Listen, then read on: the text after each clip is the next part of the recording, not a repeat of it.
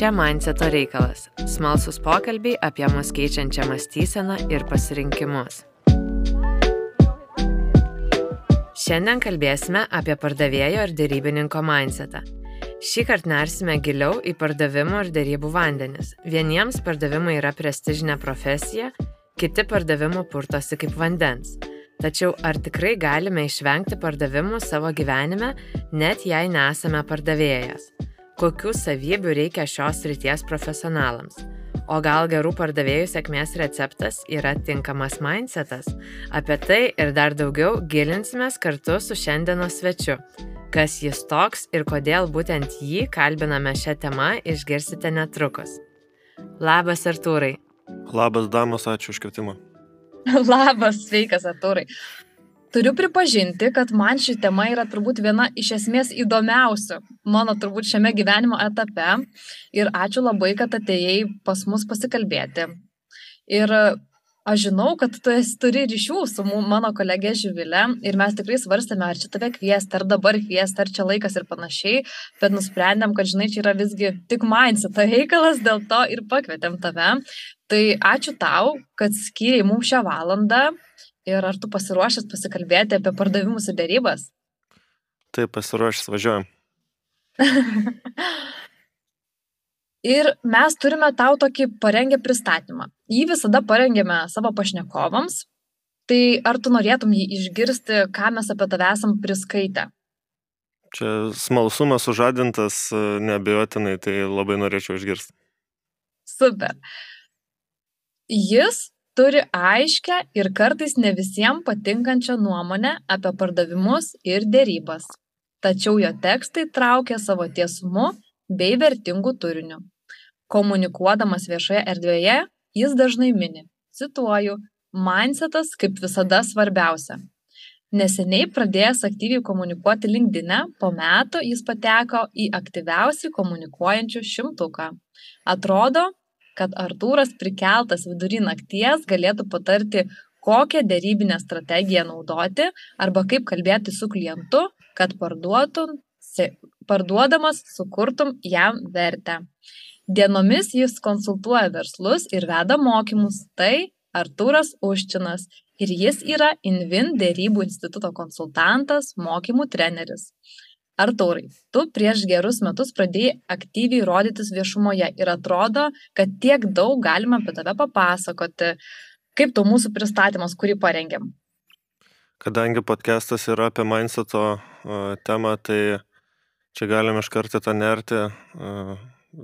Viena iš tokių, manau, svarbių mindseto dalių, kalbant apie pardavėjus, tai yra tokia humble laikysena savo sugebėjimų atžvilgiu aš manau, kai pardavėjas, kai galvoja, kad jisai gali viską, viską išmoko, tai jis iš karto savo jau nusibrėžė lubas, kiek jis e, gali pasiekti. Nes jeigu aš galvoju, kad aš žinau viską, tai tik tais laiko klausimas, e, kada aš prieisiu savo ribą. Tai labai gražus e, pristatymas, bet aš laikausi tos tokios humble pozicijos šiuo atveju. Super. Ačiū tau už e, atgalinį ryšį. Na ir žinai, kad mes čia kažkaip e, prieš neriant tą mūsų pagrindinę temą apšiltume. Dar aš turiu tau parengus tokius ir blitz klausimus. Ar tu sutiktum juos atsakyti? Be abejo. Gerai. Atsipalaiduok, jie tikrai bus tokie lengvi, intro ir prašysiu juos atsakyti vienu arba keliais žodžiais, na kaip tau patogiau. Gerai? Puikiai.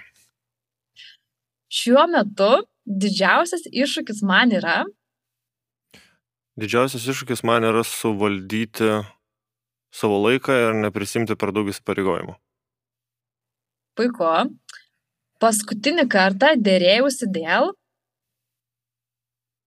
Paskutinį kartą dėrėjusi su žmona dėl pasimatymo. Super. Ir kurio pusėje buvo svertai, kam pavyko sudėrėti naudai savo. Tai buvo vertės kūrimo bendradarbiavimo strategija, tai niekas nebandė išnaudoti galios verto ir pavyko, pavyko a, be didelės trinties suderinti tarpusavio interesus. Supratau, smagu tai girdėti. Na nu ir žiūrėk, aš turiu tau dar paskutinį. Kasdieninis džiaugsmas man yra. Kasdieninis džiaugsmas man yra laiko su šeima. O, ačiū tau labai. Ar tu pasiruošęs jau tada rimčiau pakalbėti? Žinau, kad tu iš esmės esi gan tiesus, gan neviniojantis žodžio į vatą, ar ne? Apie tave, ar ne, šitos savybės? Aš manau, kad tiesumas yra viena iš mano, mano savybių, kuriomis aš pasižymiu. Super, labai šaunu. Tai aš gal norėčiau pradėti nuo to tokio esminio klausimo ir tos mūsų temos. Mes čia surinkom pakalbėti apie mindsetą, tą tokią mąstymo kultūrą. Tai aš norėčiau ir pradėti nuo to. O kas tau pačiam yra mindsetas? Tai jeigu taip atsakant visiškai akademiškai, tai būtų įsitikinimų nuostatų visuma, kuri sąlygoja mūsų veiksmus. O jeigu aš manau, kad prasmingiau apie mindsetą yra kalbėti konkrečiam kontekste. Tai yra kad mindsetas tada jisai įgauna, įgauna turinį, nes nu, dabar įsitikinimų, nuostatų visuma, nu, tai čia visiškai toks, toks kaip pasakyti, lyg ir prasmingas ir tuo pačiu metu nieko nepasakantis, nieko nepasakantis apibrėžimas. Tai manau, kad galėsim truputėlį išsiplėsti, kada pradėsim nerti į konkretesnį kontekstą, kalbant apie pardavėjus arba dėrybininkus. Mhm. Bet tau iš esmės tavo turbūt tavo asmeninėme ir profesinėme kontekste dažnai skamba šitas žodis, ar ne, šitas terminas? Šitas terminas, jisai skamba dažnai, nes aš, kai dirbu ypač su pardavėjais, tai aš jiems visą laiką piešiu tokį namą. Sakau, kad stogas yra darbo organizavimas, vidus yra įgūdžiai, sakau, kaip manot, kas yra pamatas tai ten motyvacija būna, išsireiškimas psichologija, tai visi šitie atsakymai yra teisingi. E, po kitų tokių terminų, kaip galėtume pakišti apibūdinti tą pamatą, tai būtų mindsetas. Mhm. Artūrai, žinau, kad tu žinai uh, Carol Dweck konceptą Growth and Fixed Mindset augimo ir fiksuota mąstysena. Kaip tau pačiam tenka su tuo susidurti, galbūt ar tavo asmeniniam gyvenime, profesiniam, ar dirbant su dalyviais, ta augimo ar fiksuota mąstysena, kaip tai pasireiškia? Vieną gal momentą išskirčiau, kad fiksuota augimo mąstysena, jinai skiriasi labai per tai, kaip žmonės reaguoja į nesėkmes, kaip žmonės reaguoja į mokymasi. Tai yra, kai per mokymus būna matau dalyvius, kurie padaro simulacijoje kokias nors klaidas ir atsiranda labai didelis vidinis pasipriešinimas, bandymas kaip nors racionalizuoti, apsiginti, dėl ko jie nesuklydo, dėl ko užduotis neteisingai suformuoluota, dėl ko partneris kažką netai padarė. Ir čia yra fixed mindset dalis. Tai yra, kad aš nemoku priimti klaidų, aš nemoku priimti klaidų kaip galimybę aukti. O kas turi growth mindset? Tą tokį augančią mąstyseną, tai tas tie dalyviai ar tie pardavėjai, dėrybininkai, jie reaguoja nesėkmės kitaip. Jie mato tai kaip galimybę kažko išmokti, patobulinti, pamatyti savo ugdytinas vietas ir jeigu sugeba jas identifikuoti, rasti priemonės, kaip tai patobulinti, pagerinti, tas priveda prie, prie geresnio rezultato. Aišku, dve konceptas jis yra kompleksiškesnis, daugiau yra įvairių ten aspektų, kuriuos būtų galima liesti, bet aš sakyčiau, kad e, pagrindinis growth mindset aspektas, kalbant apie pardavėjus, yra kiek aš manau ir esu įsitikinęs, kad galiu dar išmokti kažko papildomai, kiek aš manau, kad dar galiu patobulinti savo įgūdžius, čia yra kertinė vieta. Ir tikriausiai, e, ką reikia pabrėžti, kad šitas konceptas yra ne tik pardavimuose ir dėrybose, bet jį galima plačiai taikyti visur, tiek savo asmeniniam gyvenime, bet kurioj profesijoje. Realiai kiekvienam, aš manau, jisai kiekvienam kontekste gali būti, gali būti pritaikytas. Taip, visiškai net ir paminėtoje autorės knygoje, ten yra net ir atskirtai skirtingas kategorijas - verslas, šeima, santykiai ir labai daug. Tai čia tiesiog yra labai plati tema ir kiekvienoje temoje galima atrasti kažką vertingo tiesiog, ar ne? Taip. Kalbant apie mindsetą. Artūrai, šioje tokia likit pirmoje mūsų pokalbio dalyje aš labiau norėčiau pakalbėti apie tavo mąstyseną, Toliau perėsime prie to, daly, prie neatsiemo dalyko tavo gyvenimo, tai yra pardavimų ir dėrybų mindseto, gerai? Ir aš norėčiau tavęs paklausti, ar tu pa, esi pastebėjęs, kad taip, kaip tu mastai, pasidarė kažkuriuo gyvenimo etapu tau reikšminga, ar ne? Kad gal atsimeni kažkokią konkrečią istoriją ar kažkokį gyvenimo etapą, kur supratai, kad tavo mąstymas gali ir turi reikšmingos įtakos tavo kažkiam pasirinkimam. Aš čia iš kelių perspektyvų galiu atsakyti šitą klausimą. Man e, visą laiką šitos savokos yra truputėlį keliančios skirtingas mintis, mąstymas ir mąstysena. Tai e, aš esu baigęs filosofiją, tai mąstymo procesas visą laiką atrodo, jisai buvo įdomus. Tikriausiai nebūčiau pasirinkęs e, tokių studijų. O jeigu taip eksplikuotai, kada pradėjau atkreipti labiau dėmesį pačią mindseto temą, tai tikriausiai kaip pirmą kartą ir išgirdau apie Carol Dweck knygą. Tai yra, kad pradėjau irgi analizuoti savo nuostatą, savo įsitikinimus, daryti tokį nuostatų auditą, kokios mano nuostatos e, prisideda prie geresnio e, rezultato pasiekimo, kokios e, nuostatos limituoja mane siekiant, siekiant rezultato. Tai atrodo, kad visą laiką šita tema jinai buvo šalia, visą laiką tai buvo svarbu, bet konkrečiai profesiniam kontekste tikriausiai nuo tos knygos perskaitimo, paskui sekė e, Carol Dweck knygos tą visą leitmotyvą pratesianti autorė Angela Duckworth, kuri yra parašius knygą The Grit, atkaklumas, tai irgi kur, kur dar šiek tiek kitokiam kontekste yra pakreipiama mindseto tema ir tada kuo toliau, tuo labiau aš šitai pradėjau nerti, tuo daugiau pradėjau matyti tame vertės ir pradėjau matyti, kaip tai sąlygoja ne vien tik tais mano, bet ir kitų rezultatus ir paskui jau atsirado ir priemonės, ir būdai, ir metodai, kaip padėti e, ne tik savo, bet ir kitiem mindsetą ugdyti. Nežinau, Kristina, ar atsakiau į klausimą.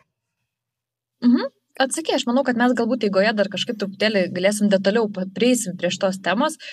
Ir man galbūt būtų dar labai įdomu išgirsti, na, aš žinau, kad tu pats labai greitai užaugai pardavimų ir ypatingai dėrybų temoje. O kas tau buvo tie tokie esminiai dalykai, kurie padėjo atrasti save profesinėje veikloje ir kalbėti apie tai garsiai? O, o Kristina, kas yra greitai? Aš norėčiau paklausti. Aš turbūt gal matuoju tuo, kada pradėjau matyti tave viename iš socialinių tinklų Ir aš pradėjau turbūt tave matyti turbūt metai gal atgal. Uh -huh.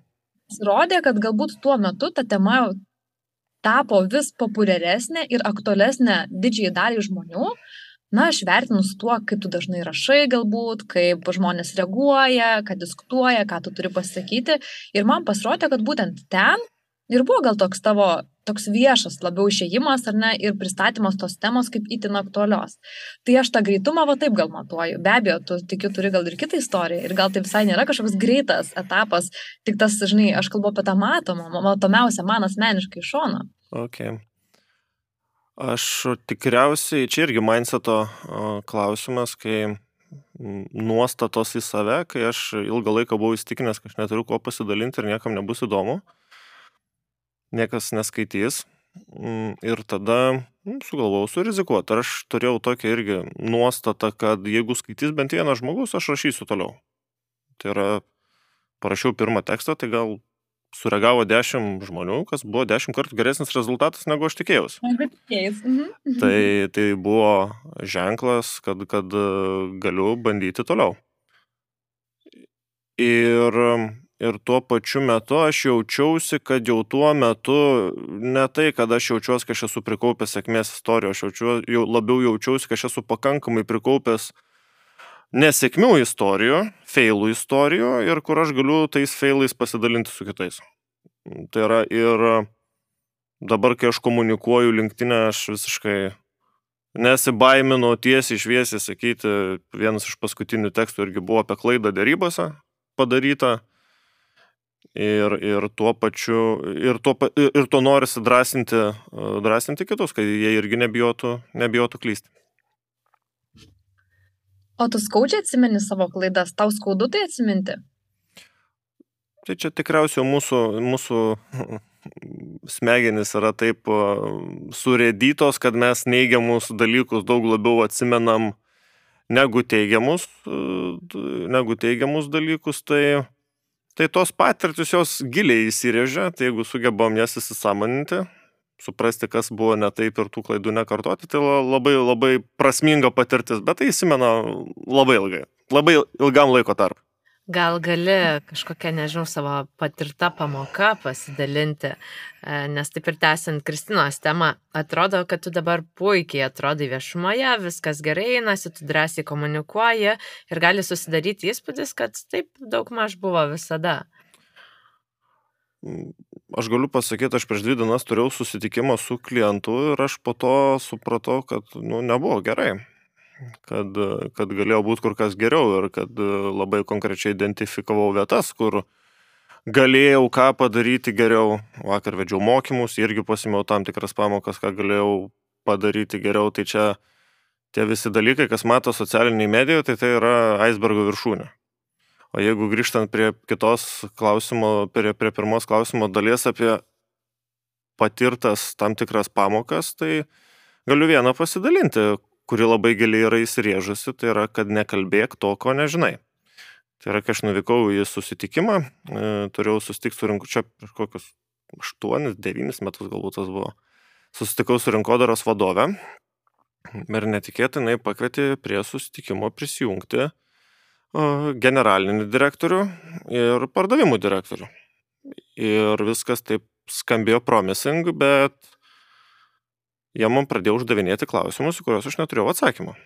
Ką man reikėjo padaryti, pasakyti, geri klausimai, viskas, viskas puikiai, aš juos jums atsakysiu, grįžęs pas kolegas, nes aš dabar neturiu atsakymą ir viskas būtų pasibaigę.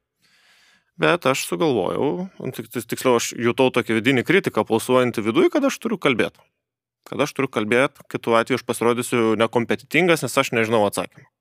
Tai aš pradėjau labai abstrakčiai atsakinėti tos klausimus ir jie, e, ir jie tada, negaudami tiesaus atsakymą, jie mane, kaip pasakyti, dar aktyviau pradėjo klausinėti, kol galų gale aš ten priklimpau labai giliai ir viskas baigėsi tuo, kad buvau pavadintas nekompetitingu, kad buvau, kad sulaukiau tokios replikos, kaip aš iš viso dirbu pardavimuose, nu čia tokia ir, ir, ir manipulacija tuo pačiu metu. Tai, tai labai skausminga tokia buvo patirtis, buvo tikrai nemalonu, bet tas iki dabar, tą iki dabar atsimenu ir jau, jau iš karto red flagas įsijungia, jeigu gaunu kokį nors klausimą, kurio nežinau, tai visą laiką turiu paruoštuką, kaip elgtis tokioje situacijoje. Tai čia viena iš tų patirčių. Bet aš manau, kad čia yra tokia, žinai, galinga technika ir apštai mūsų gebėjimas pripažinti, kad aš kažko nežinau. Nes man labai, aš girdžiu šitą tavo pasisakymą, nes ir man jis yra būdingas, dabar aš manau, kad yra mažiau, nes irgi esu išmokusi šiek tiek tų pamokų, kurias tu irgi mini. Ir man atrodo, kad dabar iš esmės gebėti savo pripažinti, kad aš, aš nežinau šito atsakymo arba aš apie tai nepasidomėjau, net yra gerokai stipresnis argumentas, negu klampinti save, kaip sakai, kažkokį ten duobę ir po to net gauti tokius skaudesnių, ne? Taip, taip. Akmenų į savo pusę.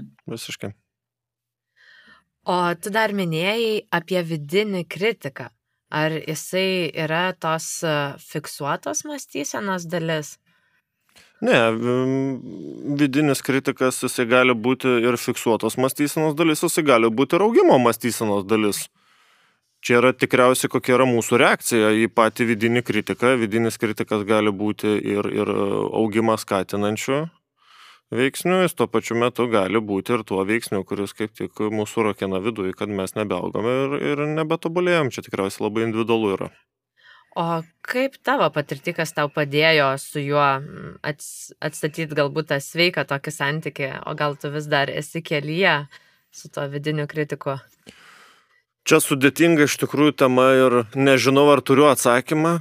Šiaip klausimas geras, kas tam, kas tam padarė įtaką, tikriausiai labai daug skirtingų įvairių veiksnių ir, ir, ir čia būtų visiškas popsas sakyti, va, perskaičiau knygą, nuėjau į seminarą, atlankiau tiek metų psichoterapijos kaip pavyzdys ir tas, tas įsisprendė. Su mentorium pabendrau. Nežinau, daug kompleksinių tikriausiai dalykų susidėjo, susidėjo į krūvą, kas ir sąlygoja, kad vidinis kritikas jis yra ramesnis, jis nėra išsijungęs, jis yra, jis yra gyvas, bet jo tikriausiai mm, mano paties reakcija tą vidinį mechanizmą jinai yra pasikeitus.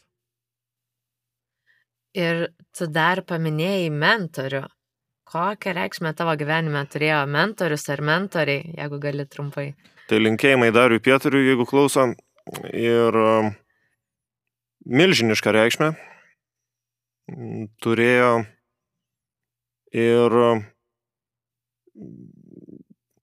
čia irgi tikriausiai mindseto reikalas yra, kaip matyti situaciją ar matyti uh, psichologiją yra, yra tos dvi kategorijos vidinis e, ir išorinis kontrolės lokusas, tai yra kaip mes vertinam vykstančius mūsų gyvenime veiksnius, ar tai matom, kad jie yra sąlygoti mūsų, ar tai yra sąlygoti išorės.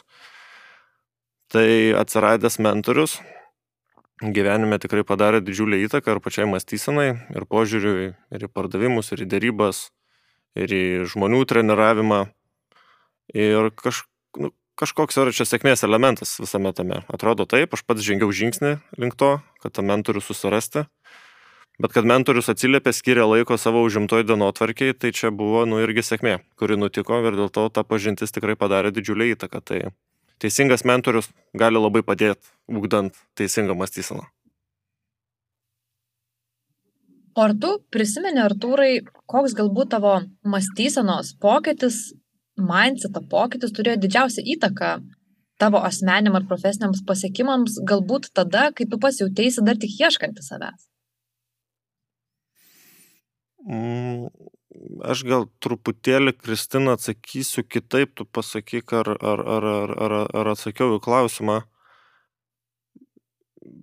Tikriausiai tu dabar, kai paklausai, man iškilo viena situacija galvoje, kai buvo karantinas pirmas, kovidinius ir kad e, tuo metu mokymų, konsultavimo paslaugas, e, marketinginės išlaidas organizacijos nukarpė pirmiausiai. Dėl visų sutrukinėjusių tiekimo grandinių ir panašių, panašių rizikų. Ir tada konvenciniai metodai pardavimo jie nebeveikia. Tai yra, kurie veikia prieš tai. Ir, ir tada man labai padėjo mindsetas, kad ieškoti galimybių, ieškoti naujų eksperimentų, o ne kliučių ir pasiteisinimų. Tai yra, čia yra fokusas, kuria mūsų realybė, kur mes nukreipiam dėmesį, taip ir bus. Jeigu aš galvoju, kad aš negaliu parduoti, aš esu teisus. Jeigu aš galvoju, kad aš galiu parduoti, aš irgi esu teisus. Čia yra pasirinkimo klausimas. Ir tuo metu tikriausiai įvyko tas lūžis, kai aš pamačiau, kad kaip galima pabandyti parduoti kitaip. Tai yra, kad e, nebeužtenka paskambinti klientui, išsiaiškinti poreikį, sukurti santyki, pateikti sprendimą, jį pristatyti ir bus pardavimas. Kad e, tada reikėjo, yra toks pardavimo metodas, kuris vadinasi challenge of sale. Tai yra, kad e, labiau challengint klientą.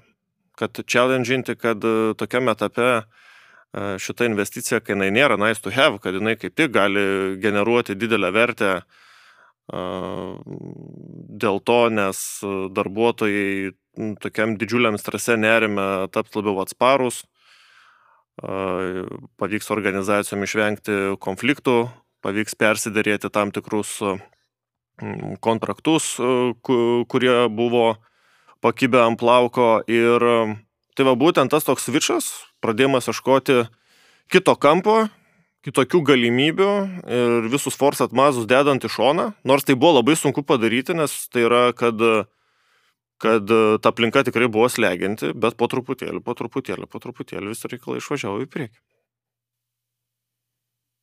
Ačiū tau, kad daliniesi. Ir man tikrai yra įdomu, ar tau lengva atrasti tą ar tau tiesiog nėra sunku užsibūti gal toj situacijoj, kuri tokia yra gana klampi? Nu, tu paminėjai labai tokį konkretų karantino laiką, situacija tokia.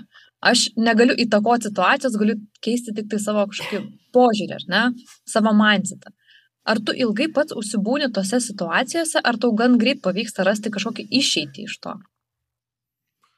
Per laiką susiformavo tikriausiai mano reakcija į stresą, neapibrieštumą, modelis veikimas. Tai yra nesustingti, o veikti, o daryti kažką. Tai yra ir kad jeigu ilgesnį laiką tam tikri metodai jie neveikia, tai juos tiesiog katinti dėti į šalį, ir bandyti, bandyti naujus eksperimentus. Tai kaip pavyzdys, kad pastaruoju metu, vat, čia pusės metų laikotarpį irgi daug maščiau apie, apie tai, kad reikia didinti greitį, kad reikia didinti greitį kontaktavimo su klientais, kaip lengvesniu būdu padidinti susitikimų kiekį su tiksliniais klientais, kaip tikslingai išnaudoti LinkedIn ir kad tam tikri metodai pritaikyti, jie, pažiūrėjau, produktivumą padidino 30-40 procentų. Tai yra, kad, kad tai mano veikimo modelis yra toks, kad veikti, daryti, ieškoti eksperimentų, bet aš labai puikiai suprantu ir tuos, kurių reakcija yra kitokia. O tu užsimeniai, kad e, dabar tavo toks veikimo modelis yra veikti. Ar anksčiau jisai buvo kitoks ir tiesiog tu jį treniravai kažkaip? Uh, treniravau, nes anksčiau veikimo modelis yra, buvo, kad susidūrų su sunkumai sustingti ir, ir nedaryti. Mhm.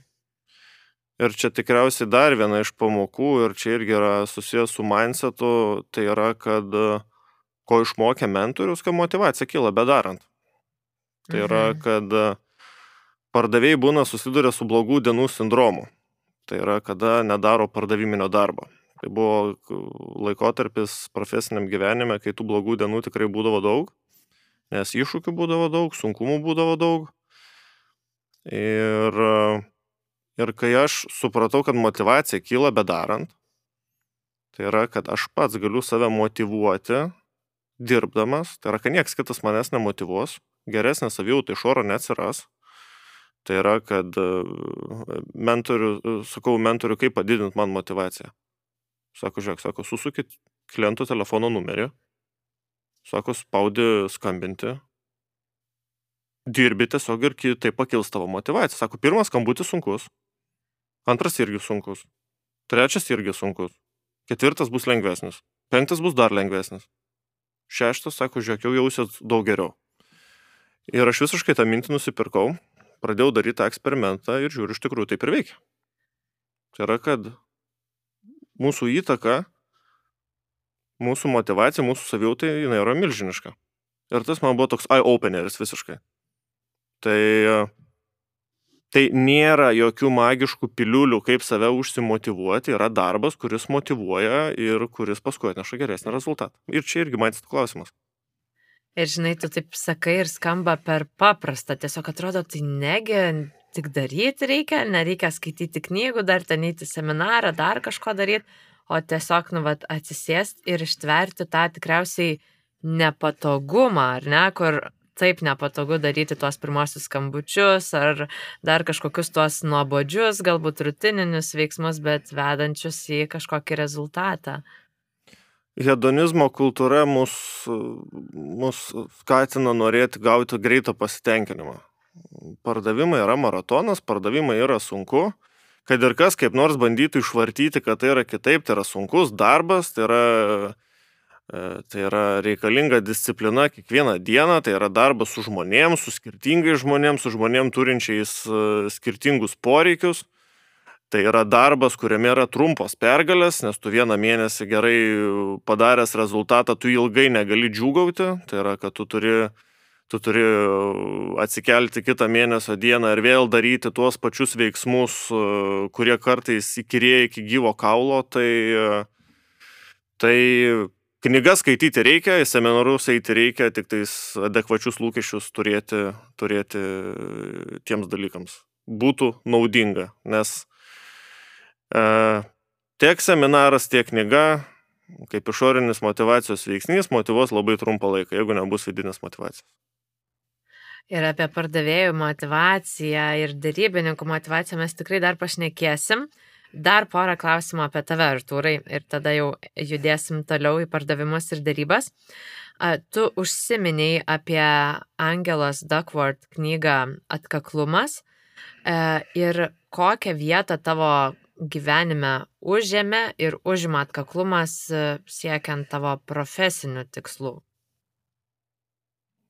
Tai atkaklumas jisai yra viena iš kertinių psichologinių kompetencijų. Pardavėjo darbe pas mane taip pat, nes pardavimuose yra duobės. Tai yra sunkus laikotarpiai. Tai yra, nepaisant to, ar pardavėjas jis yra labai stiprios kompetencijos ar jis yra silpnesnės kompetencijos, duobės jos yra. Jos yra neišvengiamos. Ko pardavėjas turi daugiau atkaklumo, to jam yra lengviau išlipti iš ištikusios dobės. Ko pardavėjas turi daugiau atkaklumo, to jis gali labiau pastumti savo ribą, tai yra kiek jisai gali padaryti. Ko pardavėjas turi daugiau atkaklumo, to jisai, kaip pasakyti, nesustos tame sunkiame ruože, o bandys ieškoti papildomų resursų, kad toliau judėti į priekį. Tai yra svarbi dalis, tai yra, tai yra kaip įgūdis. Gali keistai skambėti, koks atkaklumas, koks čia yra įgūdis. Taip, tai yra mąstymo įgūdis. Tai yra, kuris yra treniruojamas. Kaip tik to ir norėjau klausti, jisai treniruojamas. Taip. Mhm. Gal turi, gal turi porą tipsų, kaip mes galim treniruoti savo atkaklumą.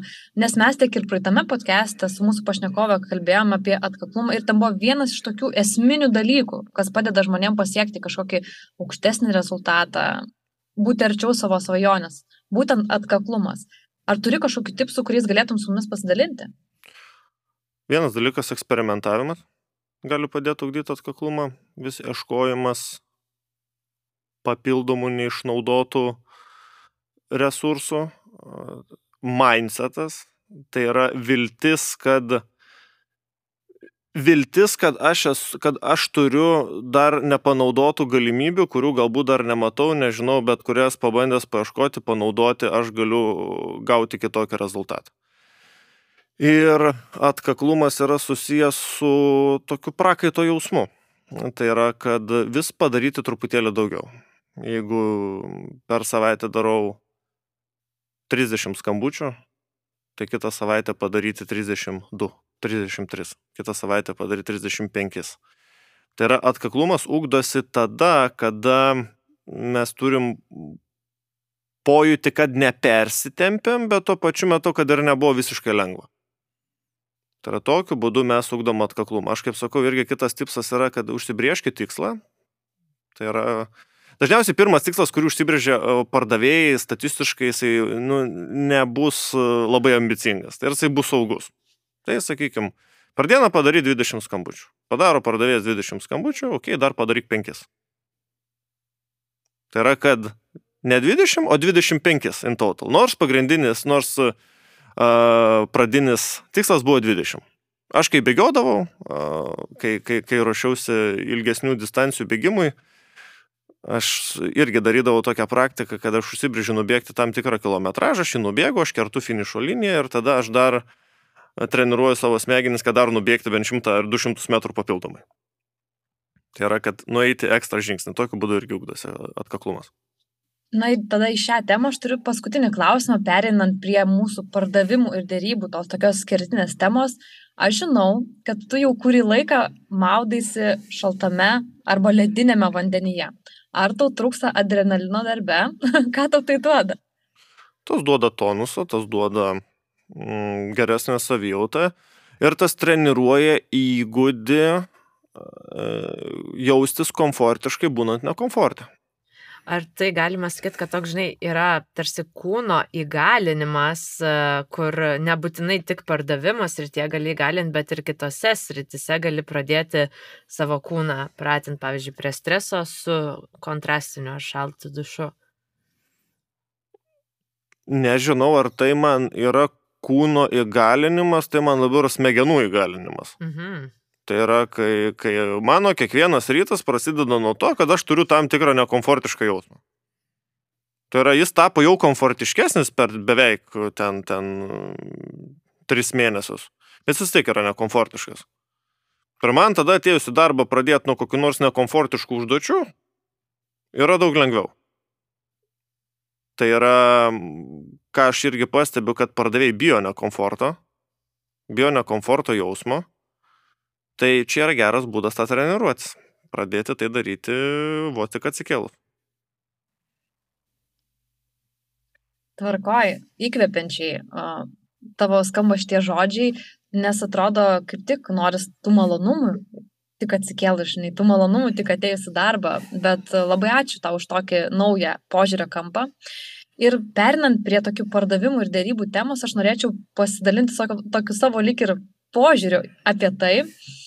Ir aš asmeniškai visuomet pardavimus laikiau tokiu darbu, kur tikrai nenorėčiau veltis.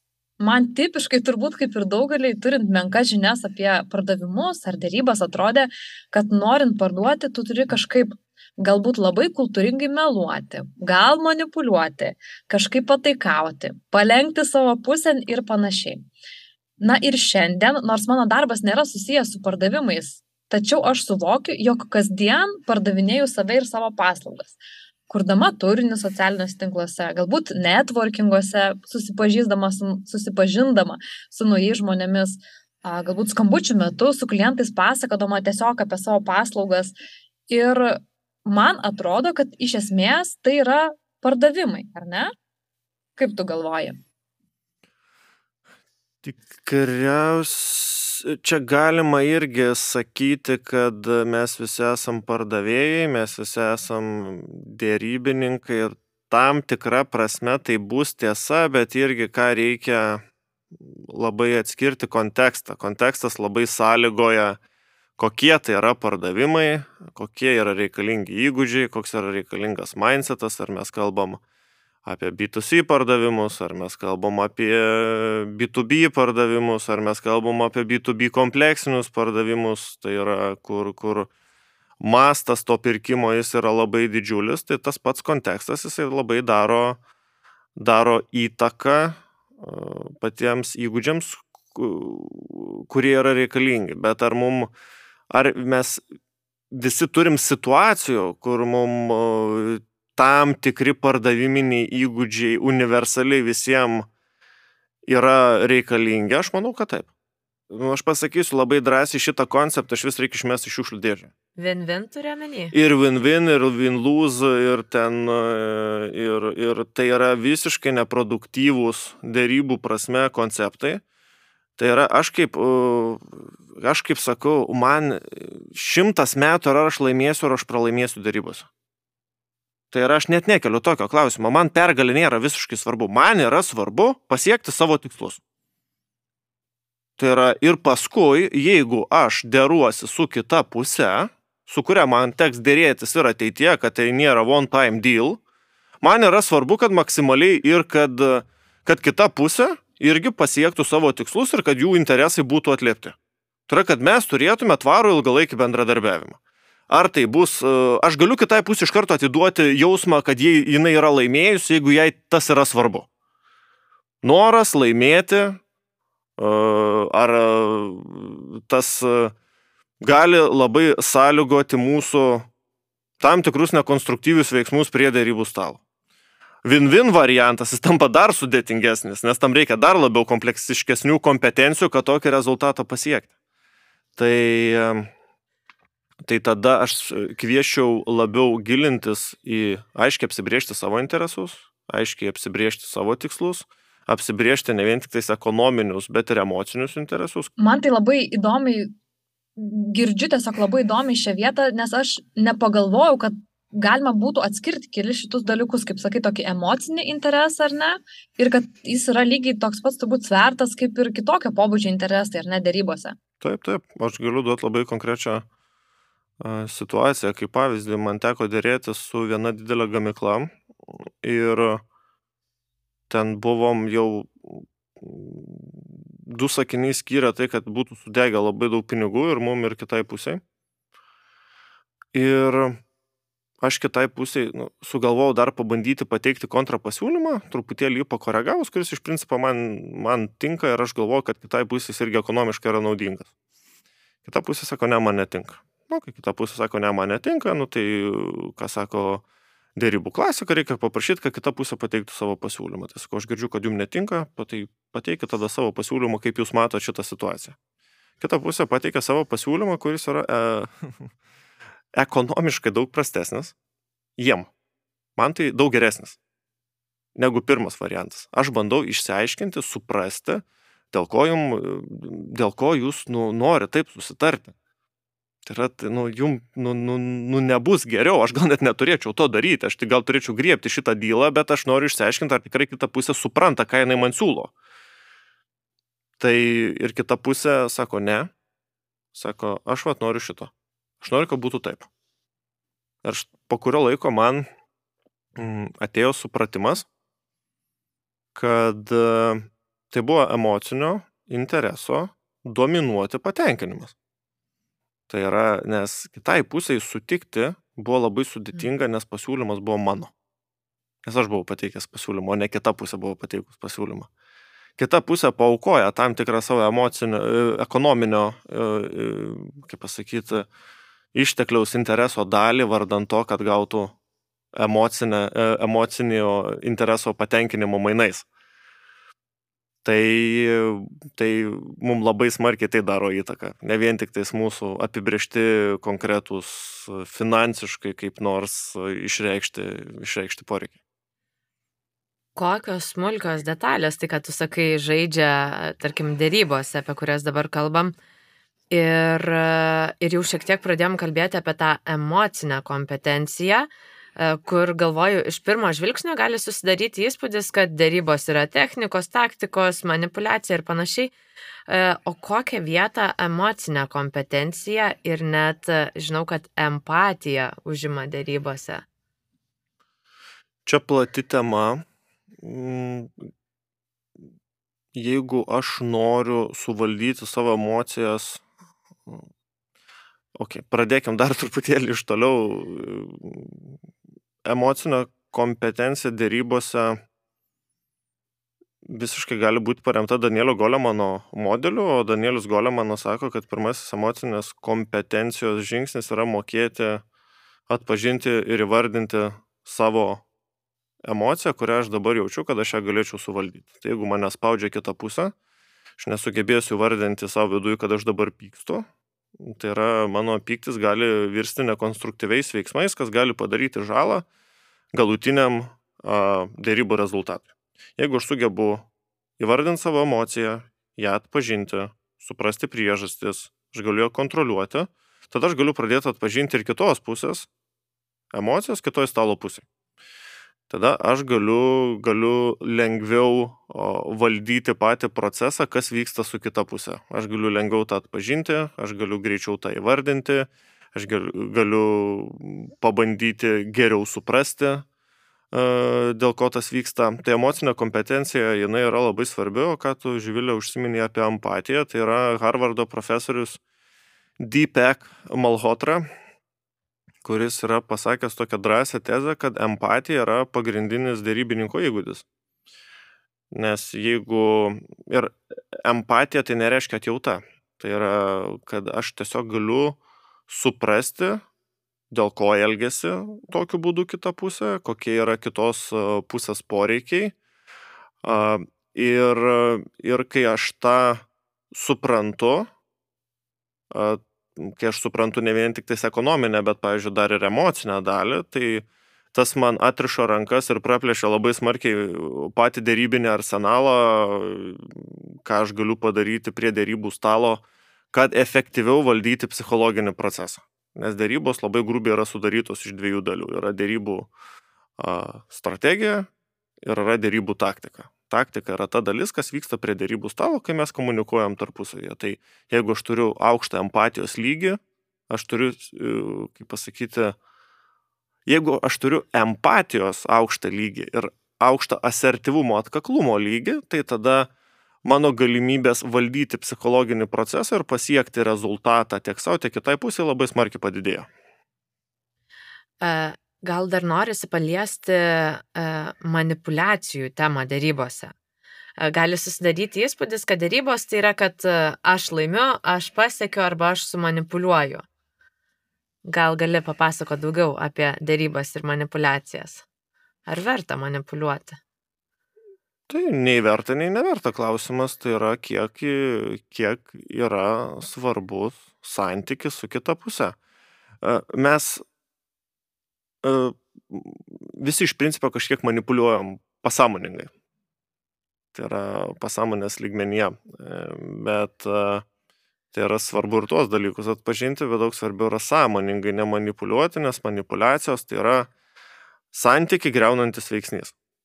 Tai yra aš niekam, aš kviečiu visus be išimties treniruotis, kaip valdyti, atpažinti manipulacijas, kad, kad jos nepadarytų įtakos, bet niekad to nenaudoti kaip įrankio siekiant rezultatų, nes sugriauti santyki jas naudojant yra labai paprasta ir lengva. Artūrai, aš žinau, kad tu nevengi aštraus, tvirto ir tiesaus žodžio ir aš čia turiu pasižymėjęs savo vieną tokią citatą. Aš ją paskaitysiu, jeigu tu nieko prieš. Gerai? Gerai. Pardavėjai, kai ateisite pirmadienį į darbą, užduokite savo klausimą. Jeigu reikėtų šiandien atlikti tik vieną vienintelį darbą, koks jis būtų? Jeigu atsakymė nėra veiklų, kurios būtų susijusios su revenue generating, tai aš turiu Jums pasiūlymą, kokia kita būtų prioritetinė užduotis antradienio rytą. Pradėkite ieškoti kito darbo. Todėl turiu klausimą. Kas tau yra tinkamas ar rezultatus galintis atnešti pardavimų žmogaus mindsetas? Čia aš turiu mintyje, kad su kokiu nusiteikimu arba požiūriu tu turi ateiti į susitikimą ar skambutį, jo galėtume įsitikėti norimo rezultato. Čia, Kristina, mes atskirą podcastą galim tikriausiai įrašyti. Aš gal pirmiausiai, pirmiausiai į citatą, keista labai savo citatą reaguoti, bet sureaguosiu, kad aš kaip sakau, jeigu į darbą ateitų gamybos žmogus, kuris stovi prie linijos ir gamina, nu, ten kokį nors produktą. Ir jisai nusprendžia, kai jisai nuspre... nu, šiandien negamins. Nu, jisai šluot sandėlio. Nu, kas irgi yra prasminga veikla, bet tai nėra jo pagrindinė veikla, ar ne, kas atneša, atneša vertę organizacijai. Nu, tai tikriausiai po tokios saviveiklos jisai kitą dieną turėtų aiškę stotelį į iš įmonės lauk. Tai dėl ko su pardavėjais turėtų būti kitaip. Kartais atrodo, kad pardavėjai yra privilegijuota kasta kažkokia. Tai yra, tai jeigu tu atėjai į darbą ir tu nedarai savo darbo ir tau tas darbas nepatinka, tu nuo to darbo purtaisi, tu nenori nieko daryti, kas galėtų tau padėti tas veiklas įgyvendinti, atsakomybės neprisijimi, nu tai broli arba sesė, nu tai būk atviras tada su savim ir tada gal laimę rasi kitoje vietoje. Ir čia viskas yra su tuo tvarkoj, bet kam tada reikia reikia simuliuoti darbą tokioje situacijoje. Tai čia aš va šitoje vietoje esu visiškai, visiškai tiesmukas ir tos minties neatsisakau. O, o kaip tu tuomet atsakytum į tą klausimą, kad koks tas mindsetas būtų tinkamas, teisingas? Ar tai, ką tu prieš tai paminėjai, turėtų būti fokusas ir tik mintis į tą tavo konkrečią užduotį? Turėtų būti pirmiausiai suvokimas visam pardavimo procese, tai yra koks yra mano kompetencijų lygis. Tai yra ir jeigu aš nedarau, kodėl aš to nedarau ir tada kokie įrankiai man galėtų padėti tą pradėti efektyviau daryti. Jeigu aš nedarau skambučių, dėl ko aš nedarau skambučių? Aš įrankių neturiu, aš negaliu to padaryti, telefono neturiu, kompiuterio neturiu ar tai yra objektyvi priežastis. Kartais tai būna iš tikrųjų, kad pardavėjim yra prikaišta daug pagalių į ratus, kodėl jie negali daryti savo tiesioginio darbo. Nu, tačiau valdžios yra atsakomybė. Bet labai dažnai priežastis jos yra vidinės. Tai atsakyti tas vidinės priežastis, dėl ko tas nėra daroma, aiškiai žinoti ties kiekvienu pardavimo proceso elementų, kas turi būti ugdytina, tai yra ką pardavėjas turi daryti kitaip, kad rezultatas jisai atsirastų. Ir tada turėti tinkamas priemonės, tai yra kaip tą ugdymo tikslą pasiekti. Ir jeigu visi šitie dalykai yra savo vietose sudėlioti, tai rezultatas jisai turi atsirasti. Tai yra, jeigu rezultatas ir po to jisai neatsiranda, dar kartelį pasikartosiu, tada, nu, verta tikrai susimastyti, gal ne ta vieta yra. Gal bent jau ne ta įmonė yra, gal įmonė reikia keisti. Tai gal produktas netinkamas, paslauga nėra tinkama, bet jau kažkas yra ne taip. Kur, kur įsivardint labai aišku tada konkretų terminą iki, iki kiek dar pardavėjas bando ir jeigu nepavyksta, tai tada gal reikia gyveninti pokytį.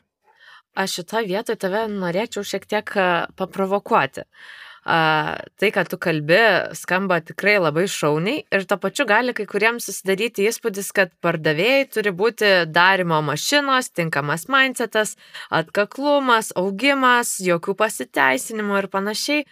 Ar tikrai viskas yra tik kita pusė ir taip paprasta? Žiūlė, gali truputėlį klausimą patikslint, kad, kad aš konkrečiau tada galėčiau atsakyti. Kame tas nepaprastumas gali būti? E, tiesiog būna blogų dienų, apie kurias jau šiek tiek e, kalbėjom, kaip vat, suprasti, neperlenkti galbūt e, tos lasdos įdarimo pusę, būna asmeninių sunkumų, galbūt kažkokiu ar tikrai iš valdžios, kažkokiu trikdžiu, kaip vat šitoj vietoj atrasti galbūt balansą, gal mano klausimas apie balansą būtų. Tai yra svarbus samoningumas, jeigu aš tada sąmoningai savo atsakyti ir savo įsivardinti. Aš sąmoningai nusprendžiau, aš pusę dienos nedirbu. Mhm. Aš pusę dienos nedarau savo darbo. Aš dabar liūdžiu. Aš dabar kenčiu. Man dabar yra sunku. Tai yra kiek kiek e, vat, pardavėjas gali savo leisti, e, bet svarbus yra samoningumas. Nekaltint ko nors, nepermetinėti atsakomybės, apsibriežti labai konkretų terminą. Vat, aš 15 minučių liūdėsiu, aš 15 minučių kentėsiu. E, klausytojai dabar to nemato, bet mes su Kristina juokiamės ir gal tu gali patikslinti, ar tu dabar rimtai kalbi, ar tu šiek tiek šaržuoji. Aš, žinokit, ir, ir čia yra ir ironijos elementas tame, bet tuo pačiu metu ir, ir, ir rimtai, aš kai dirbu su, su auditorija, pavyzdžiui, kartais būna, kad dalyviai, uh, nu, turim, turiu auditorijų or, or, orakulų, kurie moka skaityti klientų mintis, kaip pavyzdys. Skau, viskas yra tvarkoju. Jūs to galite daryti, bet jūs privalot užsidėti orakulo skrybelę, ofisą. Aha. Tai yra skrybelė, kurią užsidėjus jūs galite skaityti kliento mintis. Užsideda skrybelę, skambinat klientui ir žinot iš karto, ko jam reikia. Galit ne vieno klausimo neužduoti, iš karto galit pateikti pasiūlymą, bet tik jeigu yra uždėta orakulo skrybelė. Ir dažniausiai tada niekas nebenori, um, nieks nebenori tada tos tų klientų minčių skaityti, nes nu niekas skrybelės nenori užsidėti. Nu tai čia yra, žiūrėkit, vėl, vėl grįžkim prie to paties pavyzdžio. Kodėl gamybos darbuotojams nėra sunkių dienų? Žmogus eina daro savo darbą. Jeigu jisai serga, yra objektyvios aplinkybės, kokios nors, kurios jam neleidžia daryti savo darbą, jisai įima biuletenį, jisai eina ir ilsisi, gydosi, arba jeigu jisai pervarksta, jisai įima atostogas ir tokiu būdu jisai pasikrauna resursai, jisai grįžta daro savo darbą. Jūs man, jeigu galit, atsakykit, kuo pardavėjai skiriasi nuo, sakykime, kitų darbuotojų. Bet aš turiu gal tokį lyg ir argumentą pardavėjų pusiai, nes vienas darbas yra labiau paremtas fiziniais gebėjimais, kitas protiniais. Tai vadinasi, gamybos žmogus jūs nepavarksta. E, pavarksta, bet fiziškai. Mhm, o ko tai skiriasi nuo, nuo sakykime, protinio nuovargio? Na, pavyzdžiui, turbūt nubėgti maratoną fiziškai yra sunkiau negu protiškai. Nors čia va ir diskusija galėtų kilti, ar ne? Nu, čia man su to klausimas. Aha. Vis tik man tas klausimas, va, tikrai matai, bet uh, aš suprantu, kad tu iš tikrųjų sakai, tada aš norėčiau paklausti taip, nu vis tiek, žinai, aš noriu iš tavęs gauti kažkokių konkrečių patarimų. Tai gal tu man gali pasakyti, pavyzdžiui, pasidalinti kokiais nors top 3 savybėmis, pažyminčiamis tikrai gero, kompetitingo, empatiškai gebančio identifikuoti gerai situacijas uh, pardavėjo dėrybininko mindsetą. Mm, čia, um, Kristina, kadangi mes miksuojam pardavėjas ir dėrybininkas, tai, tai čia truputėlį gali būti plačiau. Ir tie principai, jie, principas, kuo principas skiriasi nuo taisyklės, kad pardavimuose nėra taisyklių, sakykime, iškaltų ant sienos, kurias darant darant būtų atneštas, sakykime, rezultatas. Nes kitu atveju visi tas taisyklės naudotų, jeigu jos būtų universalios. Yra principai, kurie yra universalūs, bet jie tuo pačiu metu jie tiksliai nepasako, ką reikėtų pasakyti ar ką reikėtų padaryti. Kaip pavyzdys, vienas iš mindseto elementų, kuris man atrodo yra labai svarbus, yra pardavimų treneris Anthony Janarino, kuris yra pasakęs, kad apie klientus, apie pardavėjo požiūrį į, į klientą, kad focus on caring, the outcome will follow. Tai yra, kad mm. fokusuokitės į rūpestį klientų, kad rezultatas paskui ateis uh, savaime. Tai čia yra, sakykime, vienas uh, iš svarbių elementų. Kitas dalykas, kalbant apie, čia ne, ne, nebūtinai apie mindsetą, bet apie įgūdžius, kad uh, gebėti treniruoti ausis ir girdėti klientą, mažiau kalbėti, daugiau klausytis. Nu, čia toks bla bla gali skambėti, visi kalba tą patį, bet tai yra labai svarbu. Kitas yra momentas, kas yra labai svarbus - nuolatinis augimas ir prisitaikymas prie besikeičiančios verslo aplinkos. Klientam, aš kaip jau sakiau ankstesniai podcastų daly, nebeužtenka, kad pardavėjas ateina, jisai išsiaiškina poreikį, pasiūlo sprendimą, it's not enough. Jeigu mes norim laimėti, laimėti didelį verslą, didelius kontraktus, mums reikia nueiti ekstra žingsnį. Mums reikia gerai suprasti savo verslą, mums reikia suprasti savo verslo išskirtinumą, jo pritaikymą kliento verslui. Tai yra turėti, uni, yra, tokia, yra tokia savoka unique insights, tai yra unikalios išvalgos. Tai yra, kur mūsų turimas verslo know-how, mūsų turimos unikalios išvalgos, tai yra pirkėjo pusiai, tai yra ten C lygio vadovams ar, ar pirkimų vadovams, tai yra, kur mūsų unikalios išvalgos jos jau savaime kuria tam tikrą vertę. Tai irgi yra mindseto klausimas. Tai yra, ar aš kaip pardavėjas važiuosiu ant seno kurpaliaus visą laiką, visiškai nereaguodamas į tai, link kur juda pasaulis, ar aš būsiu adaptable, ar aš bandysiu prisitaikyti prie tos aplinkos. Tai čia vien tik tais apie pardavimus dabar kalbėjau, jeigu dabar apie darybas kaip paskutinį, kaip apie paskutinį pardavimo proceso elementą, tai viena iš mindseto dalių, man atrodo, kuri yra svarbi, kad ypač pardavėjams, tai yra, kad e, pirmiausia parduokite, paskui dėrėkitės. Tai yra, jeigu aš parduosiu klientui, jeigu klientas supras, kodėl reikia dirbti su manim, su mano kompanija, tai yra, man dėrybose bus daug lengviau. Nes aš iššienausiu tokiu būdu visus konkurentus beveik. Tai yra, jeigu klientas mato, kad aš esu išskirtinis, lyginant su konkurentais, ir jeigu aš nepriverčiu jo su savo kainodara bėgti laukais, tai yra, man dėrybose bus daug lengviau, nes tikėtina, kad kliento alternatyva yra daug silpnesnė. Nes aš neturiu konkurentų, jeigu jis mane mato kaip išskirtinį. Ir kita svarbi mindseto dalis tai yra fixed pie bias. Tai yra toks, toks mąstymo kampas, kad, kad mes negalim su dėrybų partneriu padidinti dėrybų pirago. Tai yra, kad kad vertės jos yra tiek, kiek yra ir mes privalom vertę dalintis. Tai yra, jeigu mes sugebam pakoreguoti fixed pie bias savo turimą, tai tada mes galim atrasti naujų alternatyvių metodų, e, kaip susitarti, kad abi pusės būtų laimingos patenkintos ir kad vertės būtų sukurta daugiau. Mhm. Artūrai, gal galėtum man šią vietą truputėlį patikslinti, nes mes suprantu, kad plakam dabar truputėlį ir pardavimus, ir darybas tokį lyg ir į vieną žinai, katilą. Ar aš teisingai suprantu, kad tiek pardavimų žmogus turi išmanyti dėrybinius dalykus tam, kad galėtų pasiekti sėkmingų rezultatų, tiek dėrybininkas turi gerai išmanyti pardavimus, kad jis galėtų pasiekti irgi norimą rezultatą. Ar mhm. tai gali būti kaip atskiri, atskiri dalykai?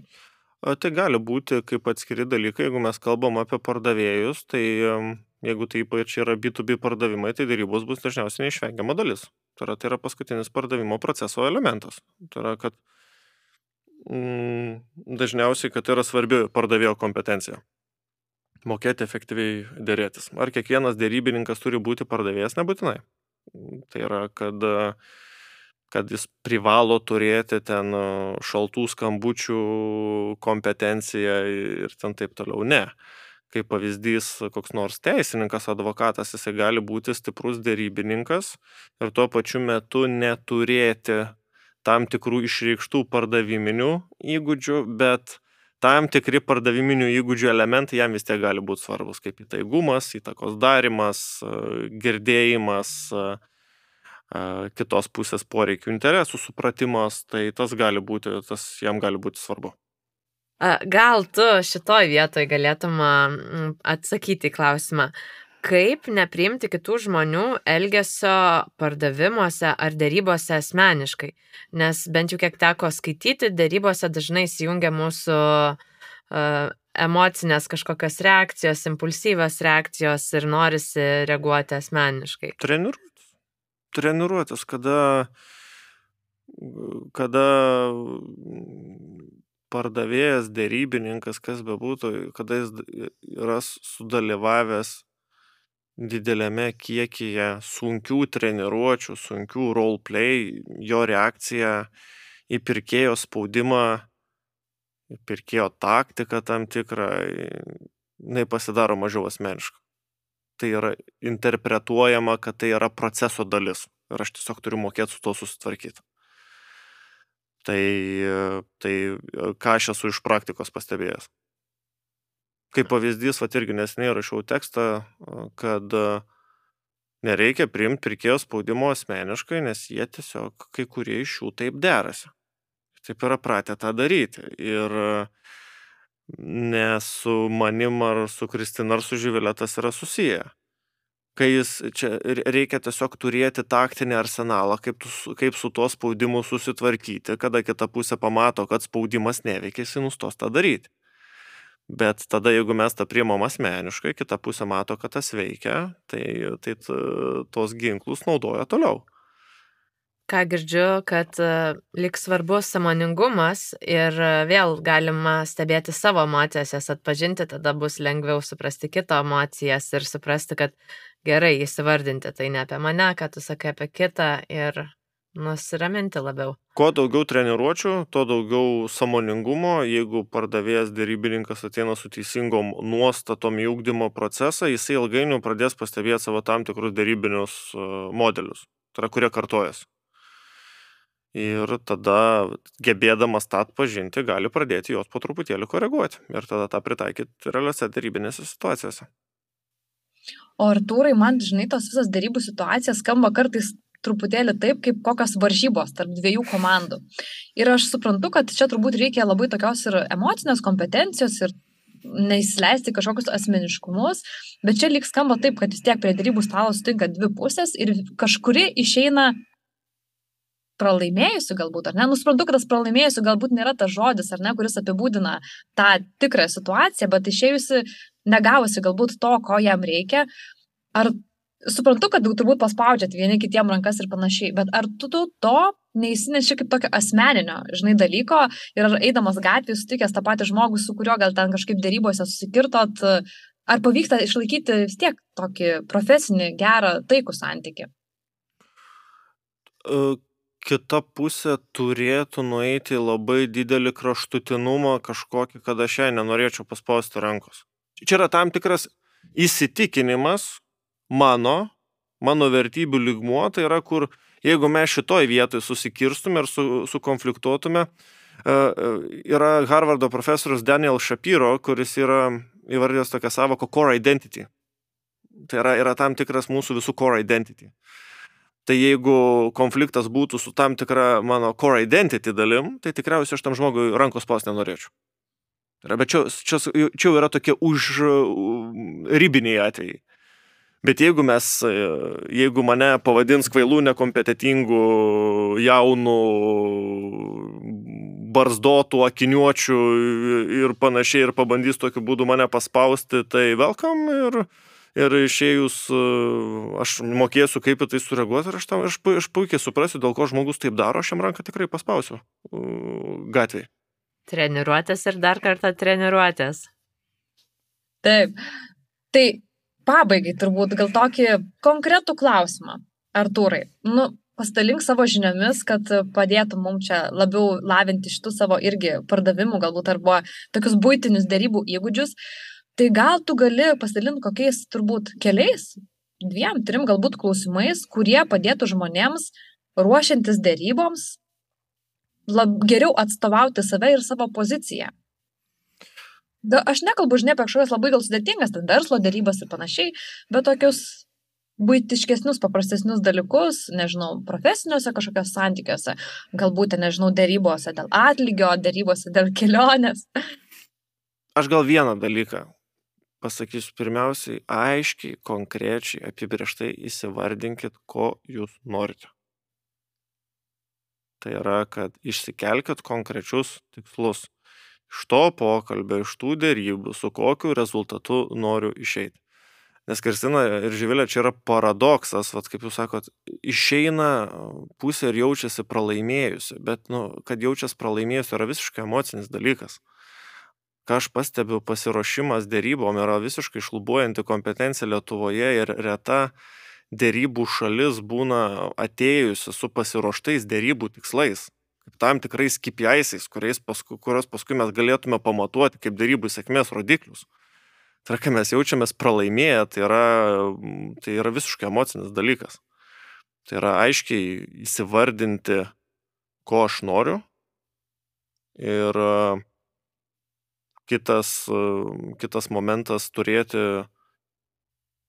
savo įvardintą batną, tai yra best alternative to a negotiated agreement, tai yra ką aš darysiu, jeigu man nepavyks susitarti.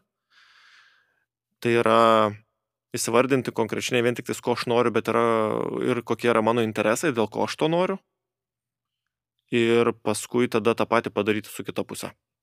Tai yra, kad ko gali norėti kita pusė, kokia yra, kokia padaryti prielaidas, kokie, gali būti kitos pusės interesai ir tas prielaidas reikia patikrinti dėrybų metu ir paskui įvertinti, padaryti prielaidas apie kitos pusės alternatyvas. Tai yra, ką kita pusė darys, jeigu jums nepavyks susitarti. Tai yra ir tas prielaidas irgi pastikrinti dėrybų metu. Ir kitas dar tikriausiai ketvirtas, čia toks, čia, čia yra gelbėjimus ratas. Tai yra, jeigu ne šiaip pasiruošti dėrybom reikia kur kas daugiau laiko. Ir ketvirtas momentas yra, kaip aš pagrysiu kitai pusiai tai, ko aš noriu. Buvo darytas tyrimas, kad dėrybininkai, tie, kurie sugeba kad ir ne pačiais stipriausiais argumentais pagrįsti savo poziciją, jie pasiekia geresnį rezultatą. Tai čia dar ketvirtas momentas. Ačiū tau labai ir aš turbūt ką įsinešu iš va šitų uh, patarimų, tai kad labai svarbu ruoštis, ar ne? Ir galbūt net kartais įsimuliuoti kažkokias situacijas, kad tu atėjęs galėtum labai, nebūtum pagautas tokia ar ne lygiai vietai, kaip čia bus, kaip čia ką, neturėsi sekančio kažkokio atsakomojo savo žingsnio. Tai ačiū tau labai, buvo išties man asmeniškai tikrai labai įdomi šita valanda, kalbant apie pardavimus ir dėrybas. Dėkoju, kad jie skyriai mums. Na ir žinoma, pabaigai mes turim dar tokį netikėtą klausimą iš mūsų buvusio podcast'o pašnekovo, kad suprastum, apie ką aš. Tai mes siekime puoselėti tokią lyg ir tradiciją podcast'o pabaigoje užduoti klausimą, kurį paliko mūsų praeito epizodo pašnekovas. Ir praeitą kartą mes kalbėjome su Inga Langaitė, Unicorns LT vadovę ir ji paliko klausimą, kas tau uždega akis? Ar galėtum tu jį atsakyti? Man akis uždega kūryba, tobulėjimas, kitų žmonių pagalba kitiem žmonėm tobulėti profesinė prasme. Ačiū tau. Žinoma, aš paprašysiu, kad ir tu užduotum klausimą mūsų sekančio podcast'o pašnekovui, tik dabar dar jo nesakyk, išjungsime mikrofonus ir būtinai surašysim. O dabar tiesiog dar kartą ačiū tau labai, nuoširdžiai, už šitą laiką ir už tavo žinias. Ačiū labai. Ačiū, Artūrai. Čia buvo Mindseto reikalas, o mes, Kristina ir Živilė, sakome iki kitų kartų. Ate.